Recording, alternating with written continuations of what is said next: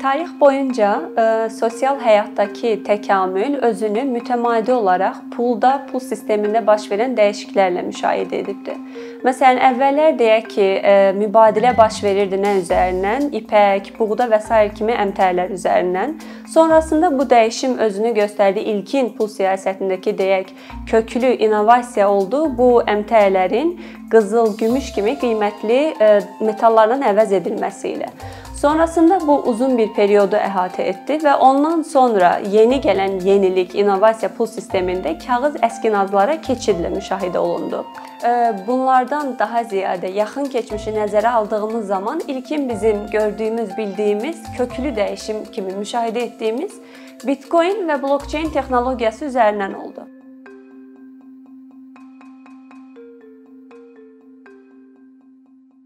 Normalda əksəriyyətimiz blockchain texnologiyasını 2008-ci ildə Satoshi Nakamoto'nun belə deyək ki, ilkin versiyada yaratdığı o blockchainin konseptuallaşması ilə xatırlayır. 2009-cu ildə də ilk olaraq e, white paper-ni çıxartdılar. E, lakin ümumi tarixə nəzər saldığımız zaman blockchain texnologiyası və yaxud elektron pulun istifadəsi ilə əlaqəli müəyyən fərqli versiyalar üzərinə 1990-cı illərin hələ başlarından E, çalışılırdı. Müəyyən yeni layihələr və s. var idi.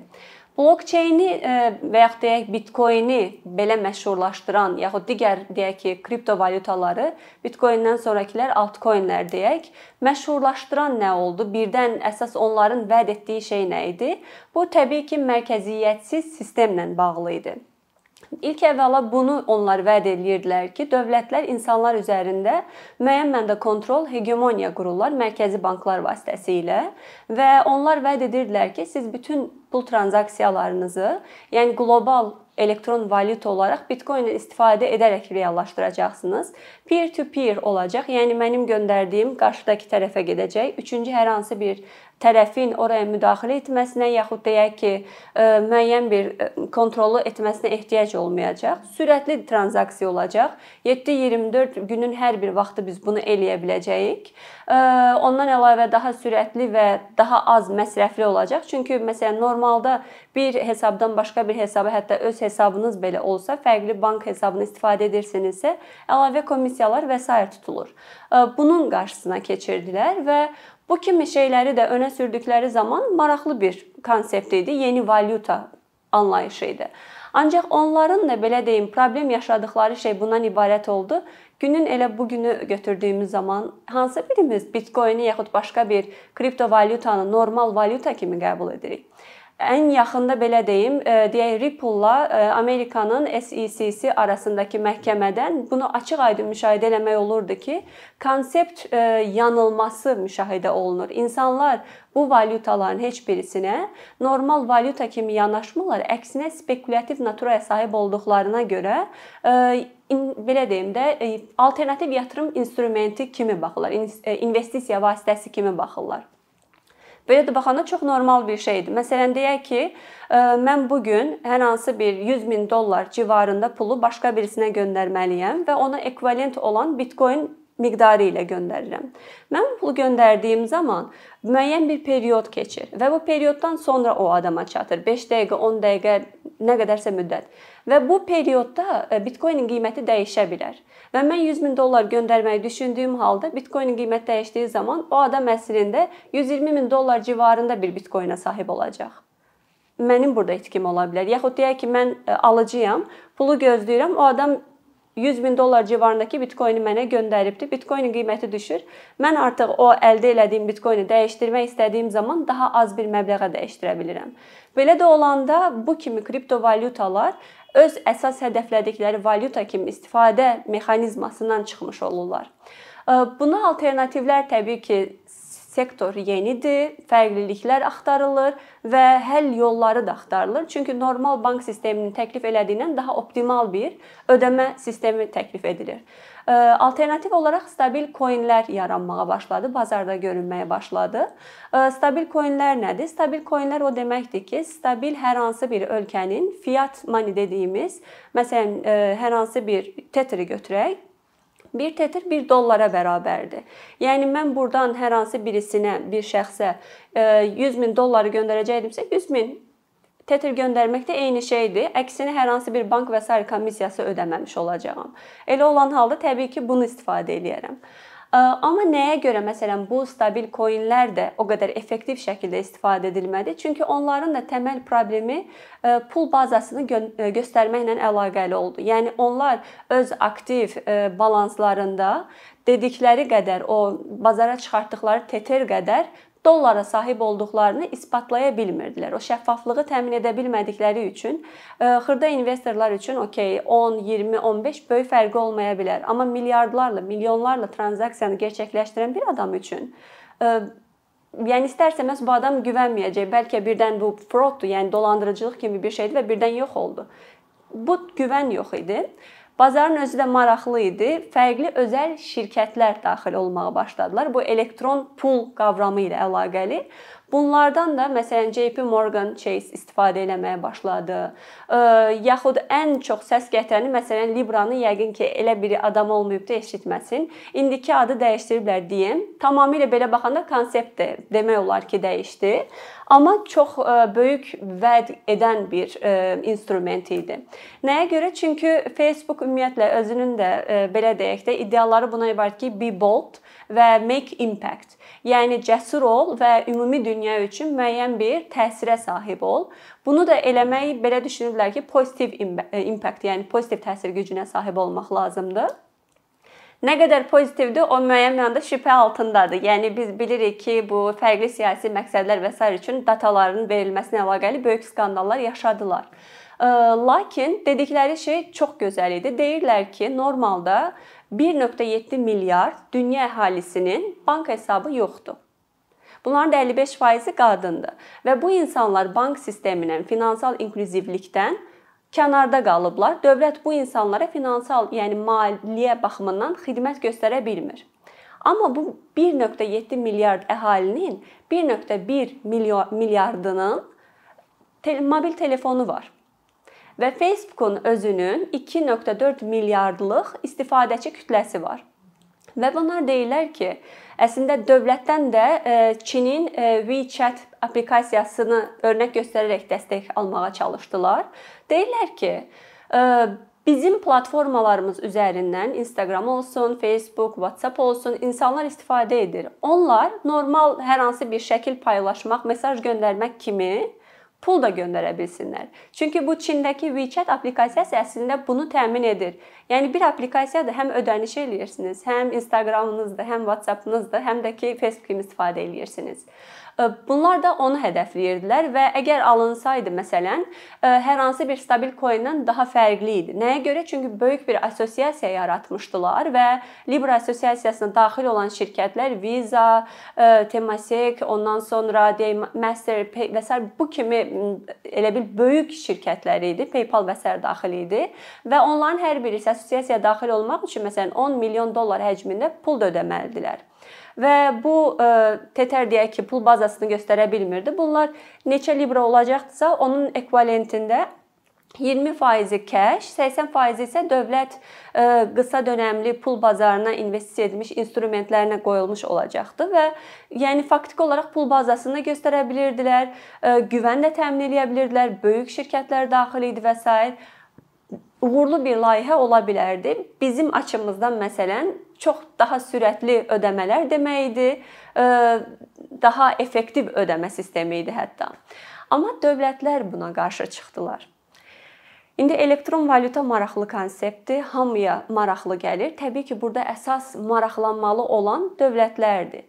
Niyə? Çünki ümumilikdə belə deyək də, dövlətin iqtisadiyyata təsir edə bilməyi üçün iki qol var. Birincisi fiscal policy dediyimiz fiskal siyasət üzərindən, digəri isə monetary policy dediyimiz pul siyasəti üzərindən təsir göstərə bilər. İndi burada düşünək pul siyasəti üzərindən, pul siyasəti üzərindən müəyyən mənada bu pul, ə, e, yəni money supply dediyimiz ə, e, pul miqdarına təsir etməklə müəyyən mənada insanların e, ödənişlərinə, iqtisadiyyata və s. iqtisadiyyatda canlanmanı və s. bunun hesabına eləməyə çalışır. Amma deyək ki, Facebook kimi bir nəhəng e, bu Libra assosiasiyası vasitəsilə güvənlə təmin etdikdən sonra e, həmin Libra konseptini əgər reallaşdıra bilsəydi, O zaman belə baxanda niyə bir neçə vasitə istifadə eləyək, yaxud bankları istifadə eləyək, əlavə komissiyalar ödəyək, amma bir mesaj göndərmək kimi Facebook üzərindən pulumuzu göndərməyək? Təbii ki, insanlar o tərəfə yönələcəkdilər. Elə olanda dövlətin pul üzərindəki gücü, yəni o milli suverenlik müəyyən mənada təhlükə altına girəcəkdi. Ona görə buna qarşı çıxdılar. Əslində əsas qarşı çıxmalı olan bizim kimi dövlətlər idi, amma ə, e, ona rəğmən belə deyim, məsələn dönəmin Amerika prezidenti Donald Trump buna ciddi şəkildə qarşı çıxdı. Dedi ki, Facebook ümumilikdə beynəlxalq bank standartlarına uyğun heç bir şeydən keçmədən ə, e, qlobal bank rolu oynamaq istəyir. Ona görə qəti ciddi qarşı çıxmışdı.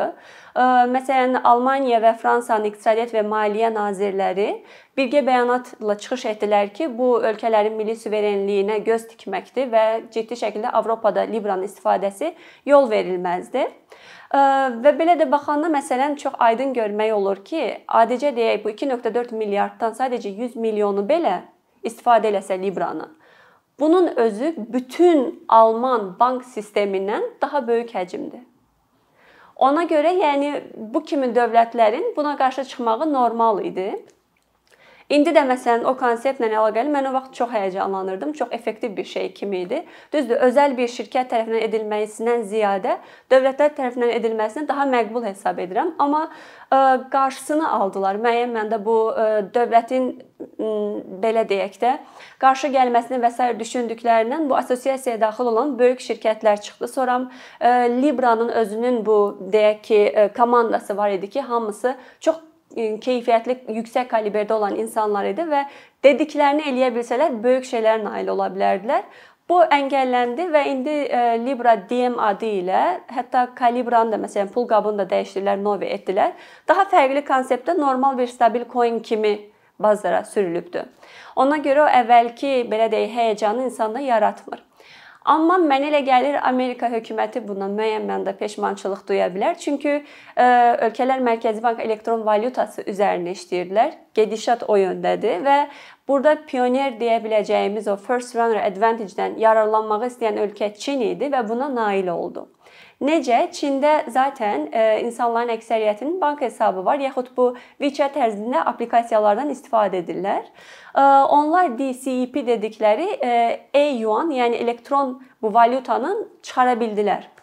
Və ə, fərqini belə izah edeyim. Deyək ki, siz ə, hər hansı bir ödəməni Bitcoin vasitəsilə gerçəkləşdirəcəksinizsə, ə, normalda 1 saniyədə Bitcoin-lə 5 tranzaksiya olur. Ethereum-da 7-dir. Libra deyirdi ki, biz 1000 tranzaksiya gerçəkləşdirə biləcəyik. Yəni daha sürətli. Çinin DCEP-si, yəni Digital Currency Electronic Payments dediyi rəqəmsal valyuta və elektronik ödəmə sistemi 300 min tranzaksiya gerçəkləşdirməyi vəd edir və əməlli başlı bunu istifadəyə keçiblər. Əvvəl 4 böyük şəhərdə başlatdılar layihəni. Ondan sonra insanlara hətta məsələn siz bu pul hesabını yükləyin, ondan sonra deyək ki, sizə hədiyyə olaraq e-yuan göndərəcək və s. kimi şeylər dedilər və insanlar da yüklədilər. Artıq istifadəyə də keçibdi. Məsələn, fərqli dövlət qurumlarında da artıq insanlara maaş bunun üzərindən ödənilir və qabaqdan olimpiadalar gəlir bundan da istifadə edəcəklər. Xarici olan insanları da məsələn Çinin valyutasını istifadə etməyə yönləndirə bilərlər. Bir də ondan əlavə deyək ki, Çinin özü də bazarda fərqli ümumiyyətlə ticarət baxımından böyük həcmə sahib olan işlər görür. İstəyir idxal olsun, istəyir ixrac olsun. Bu tranzaksiyaları da öz valyutası üzərindən daha az komissiyalı, daha sürətli edəcəyini vəd edəcəksə, təbii ki, şirkətlərdə maraqlı ola bilər. Yəni bəlkə də zamanında Amerika Libranın qarşısını almamalı idi. Köstək olmaq yerinə əməkdaşlığa cəlb eləsə, daha fərqli bir şeylər biz bu gün görə bilərdik. Amma ümumilikdə bunu da bir kənara qoyası olsaq, mərkəzi bank elektron valyutası konsepti məncə bütün ölkələr üçün qaçınılmaz bir konseptdir. Və bunun üçün zəruri olan şey mütləq kripto valyuta cinsindən, yəni şifrəli tərzdə etmək zəruriyyəti deyil. Çində bunu belə edirlər, yaxud deyək İsveçdə Ekrona modelini Korda sistemi üzərində qururlar. Amma normalda Mərkəzi Bank elektron valyutaları fərqli 3 kateqoriya üzrə bölünə bilər. Mənim elmi araşdırmam bu yöndə idi. Biz belə bölmüşdük ki, məsələn, faiz təklif edib etməməsinə görə Ondan sonra e, deyək ki, hər hansı bir kriptovalyuta tərzində, yəni distributed ledger technology üzərində yaxud ənənəvi metodla, normal bizim bildiyimiz indiki pulun sadəcə elektronik versiyası Digər konsepti isə bu elektron valyutanın e, bir pərakəndə yaxud topdan olması ilə əlaqəli idi.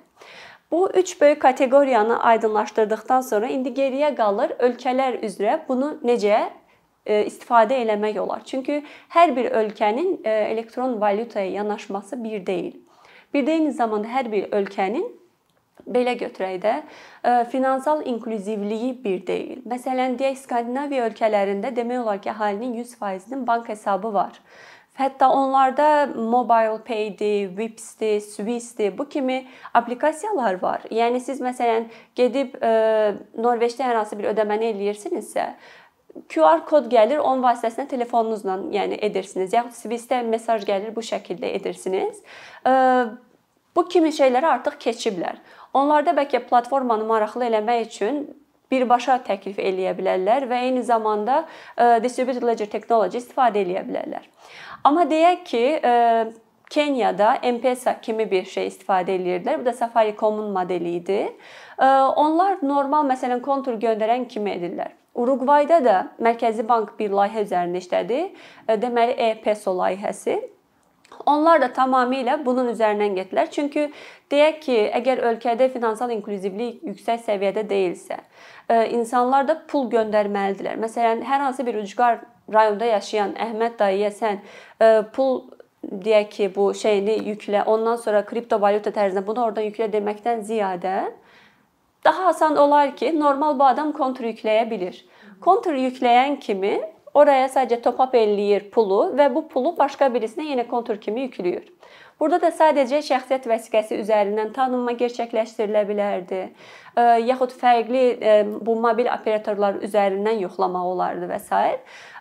üstünlüyü bu olacaqdı ki, kriptovalyuta tərəfindən deyək ki, üçüncü bir tərəf olmayacağından Siz şifrənizi itirə bilərsiniz, hesabınıza çata bilməyirsiniz. Amma bu tərəfdən sizdə artıq dövlətin zəmanətdə olur ki, sizə biz kömək eləyəcəyik. Yəni birbaşa sizin e, identity çekiniz reallaşmış olacaq. Bu arada eyni şey Librada da keçərlidir. Onlar da deyirdilər ki, məsələn biz e, canlı dəstək xidməti də verəcəyik. Yəni normal kriptovalyutadan yaxud stabil coin'dən daha fərqli olacaq konsept. Deməli gördüyünüz kimi fərqli bir çox e, versiyalar üzərində işləyib, fərqli bir çox nüansı nəzərə alaraq fərqli modelləri təklif eləmək mümkündür. Azərbaycanda da onlayn ödəmələrlə əlaqəli həm özəl sektorda, həm də Dövlət Mərkəzi Bankda xeyli yeniliklər etməyə çalışırlar. Məncə ən qısa zamanda bu elektron valyuta üzərinə də işlənməlidir və e, belə deyim, standart düşünülən ilkin kriptovalyuta cinsindən olmalıdır. Çətin olacaq, uyğunlaşdırmaq olmayacaqdan ziyadə həqiqətən də fərqli kateqoriyalar üzrə biz bunları daha da əslində mən 3 kriteriyanı verdim. Onların hamısı da ayrılıqda bölünür. Onlar üzərindən də daha düzgün məsələn modeli təklif eləmək mümkün ola bilər. Ümid edirəm ki, qısa zamanda, yəni getdiyimiz yol budur. Oyuna nə qədər erkən girsək, o qədər faydalı ola bilər bizə. Azərbaycanda da və yaxud deyək ki, yaxın bu əhatə ölkələrdə də onlayn şəkildə bu ödəmələrin keçirilməsini sürətləndirmək üçün elektron valyutaya keçid yaxın zamanda müşahidə ediləcək. Əkinçinin yeni videoları haqqında məlumatlı olmaq üçün kanalımıza abunə olmağı və xəbərdarlıq funksiyasını aktivləşdirməyi unutmayın. İmkandan istifadə edərək cari patronlarımıza işlərimizi davam etməyə yardım olduqları üçün dərin təşəkkürümüzü bildiririk. Əkinçinin Patreon icmasının üzvü olaraq siz bizim təşəbbüsə dəstək göstərməklə bərabər hazırladığımız materialları hər kəsdən öncə izləmə imkanı əldə edəcəksiniz.